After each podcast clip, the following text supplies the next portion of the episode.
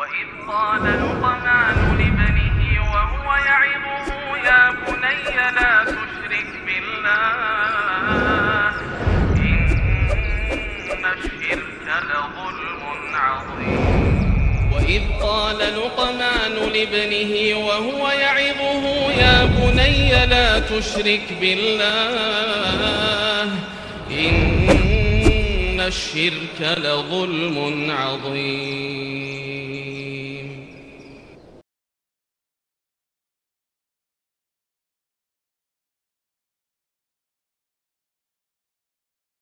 السلام عليكم ورحمة الله وبركاته.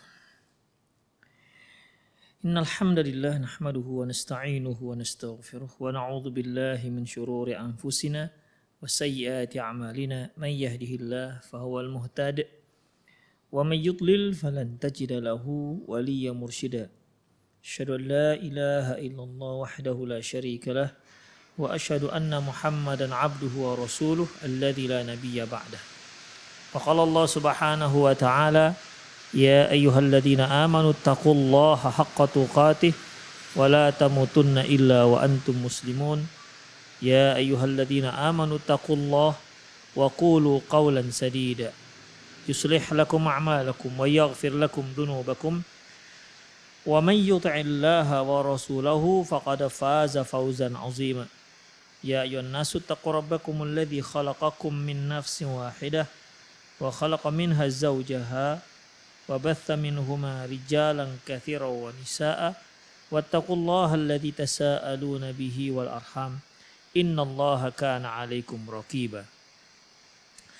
أما بعد إن أصدق الحديث كتاب الله وخير الهدي هدي محمد صلى الله عليه وسلم وشر الأمور محدثاتها وكل محدثة بدعة وكل بدعة ضلالة وكل ضلالة في النار.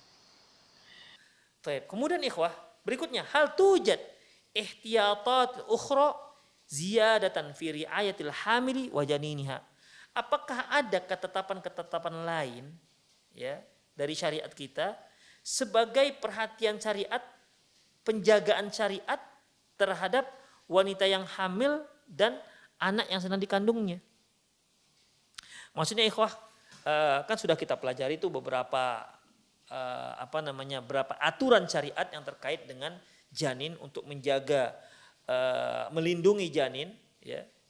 Pertama ya ini kita ulang lagi pertama yaitu mengenai uh, membaca ketika lakukan hubungan intim ya, bagi seorang suami ya agar anaknya terlindung dari setan.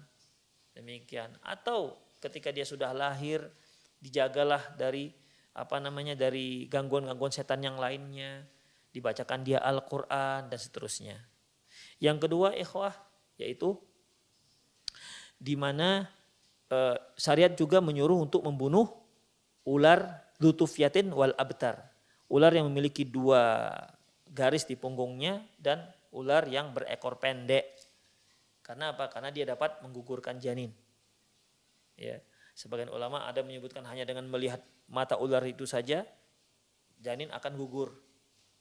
Ada yang menyebutkan enggak enggak enggak seperti itu tapi si ular akan menyemprotkan e, bisanya. Allahu alam bisawab. Tapi intinya ini untuk menjaga si janin syariat menyuruh untuk membunuh ini ular.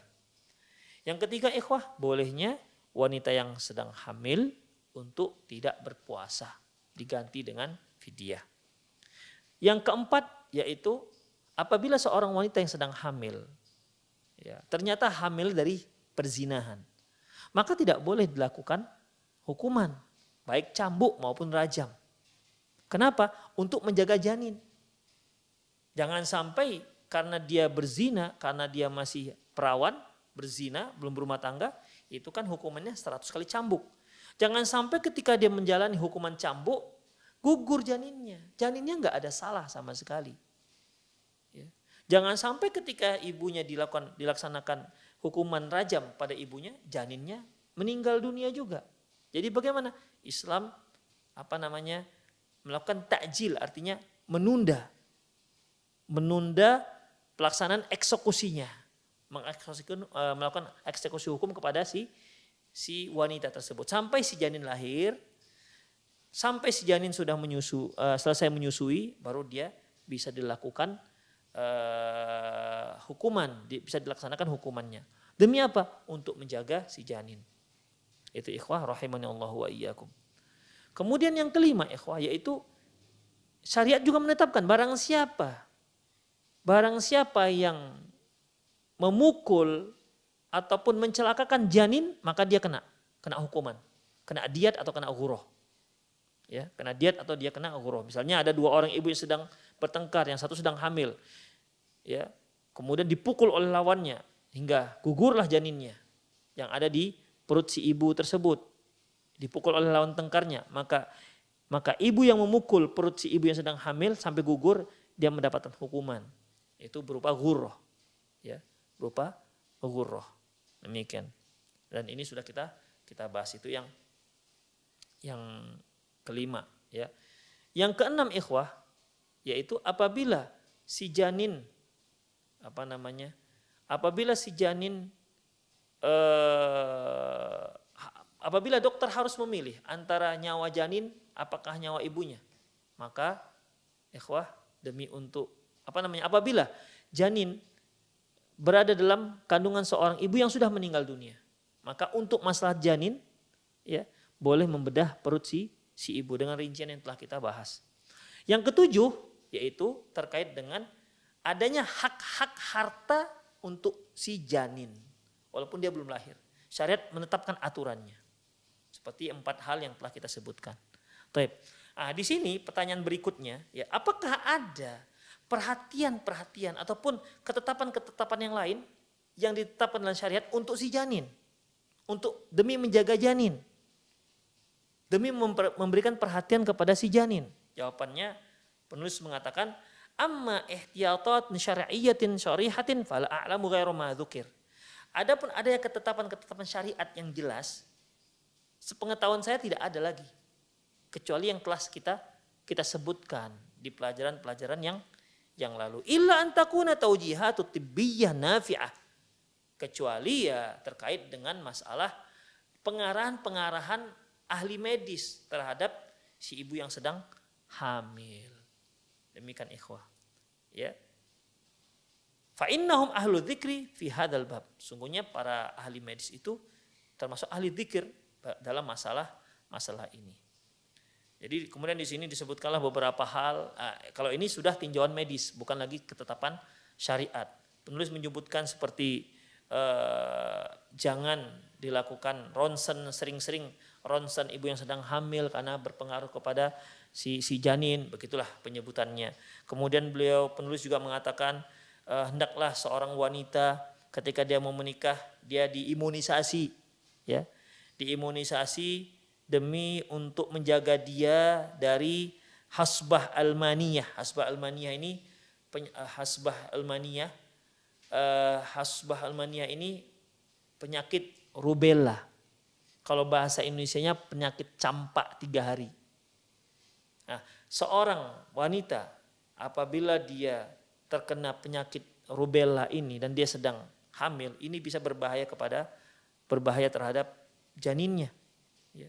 Penyakit rubella ini dia demam, kemudian flu, pilek, batuk, kemudian bisa terjadi pembengkakan pada kelenjar getah beningnya, ya. Kemudian juga adanya bengkakan-bengkakan yang berwarna merah ini penyakit yang orang yang terkena virus rubella ini. Oke. Seorang wanita yang sedang hamil jika dia terkena penyakit ini maka sangat berbahaya terhadap janinnya. Janinnya bisa bisa ada yang menyebutkan dokter yang menyebutkan bisa menyebabkan dia tuli bahkan ada yang menyebutkan bisa cacat eh, apa namanya eh, janin yang ada dalam kandungan ibunya. Makanya untuk mencegah itu semua maka dilakukan imunisasi. Demikian ikhwah. Ya. Kemudian mereka juga mengatakan para arahan para dokter, jangan sekali-sekali wanita yang sedang hamil itu merokok. Karena ini jelas akan berbahaya untuk si si janin. Makanya ikhwah eh, dalam bungkus rokok itu kan disebutkan ya bahwasanya eh, wanita hamil yang merokok ya itu bisa menyebabkan apa namanya bisa menyebabkan kanker dan lain-lainnya. Makanya ibu yang hamil yang merokok itu sangat berbahaya. Kaum lelaki saja yang merokok, di sini ulama medis mengatakan bahwa sepakat bahwasanya nggak dibolehkan. Ya. Dan ulama fikih mengatakan haram. Merokok itu hukumnya haram. Itu bagi seorang laki-laki. Apatah lagi bagi seorang wanita yang sedang hamil. Kalau seorang laki-laki dia membahayakan satu orang, yaitu dirinya sendiri. Tapi kalau wanita yang sedang hamil, dia membahayakan dirinya dan anak yang sedang dikandungnya. Makanya lebih besar dosanya lebih besar dosanya laki-laki yang merokok ketimbang wanita hamil yang merokok. Karena ada dua makhluk yang dia racun dengan rokok tersebut. Makanya tidak boleh ya, tidak boleh wanita yang sedang hamil itu merokok haram hukumnya dan lebih besar dosanya. Kemudian ikhwah rahimanallahu wa ikum, beliau penulis juga menyebutkan di sini wa hunaka fi biladi al-gharbil kathir minal asbabi wa minal asbabi wal amradi allati tuaddi ila ila ila tashawuhil al ajinnati di negara-negara di negara-negara Eropa sana banyak sekali sebab-sebab dan penyakit-penyakit yang menyebabkan janin itu bisa cacat katanya. Mislu virus herpes wa virus AIDS virus herpes ini uh, herpes kalau bahasa latinnya herpes jadi kalau virus herpes ini bisa menyebutkan HRV ya, HRV. Kalau virus AIDS yaitu HIV. Itu dia. Allah alam apa bedanya antara HIV dengan HRV. Tapi intinya ini virus ya. Dan ini yusabbibuhuma wuku firadilatil zina wal lati tantashiru virusat antariqihima. Di mana dua virus ini itu menularnya munculnya dikarenakan perbuatan-perbuatan yang tercela, yang rendah yaitu dari perzinahan dan homoseksual. Ya. Demikian. Dari situlah muncul eh, apa namanya? Eh, penyakit-penyakit tersebut dan ini sangat berbahaya untuk si janin. Demikian ikhwah rahimani Allah wa. Ya, untuk sementara ini ini sajalah dulu ya. Waktu kita sudah habis.